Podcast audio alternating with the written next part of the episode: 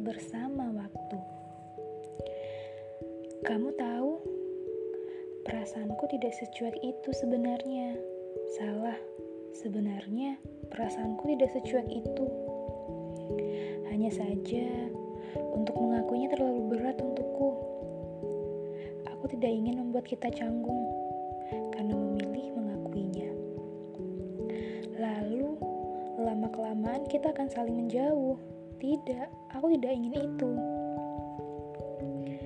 Aku tetap ingin mendengar suaramu, mendengar cerita-ceritamu, bahkan cerita tentang perempuan itu.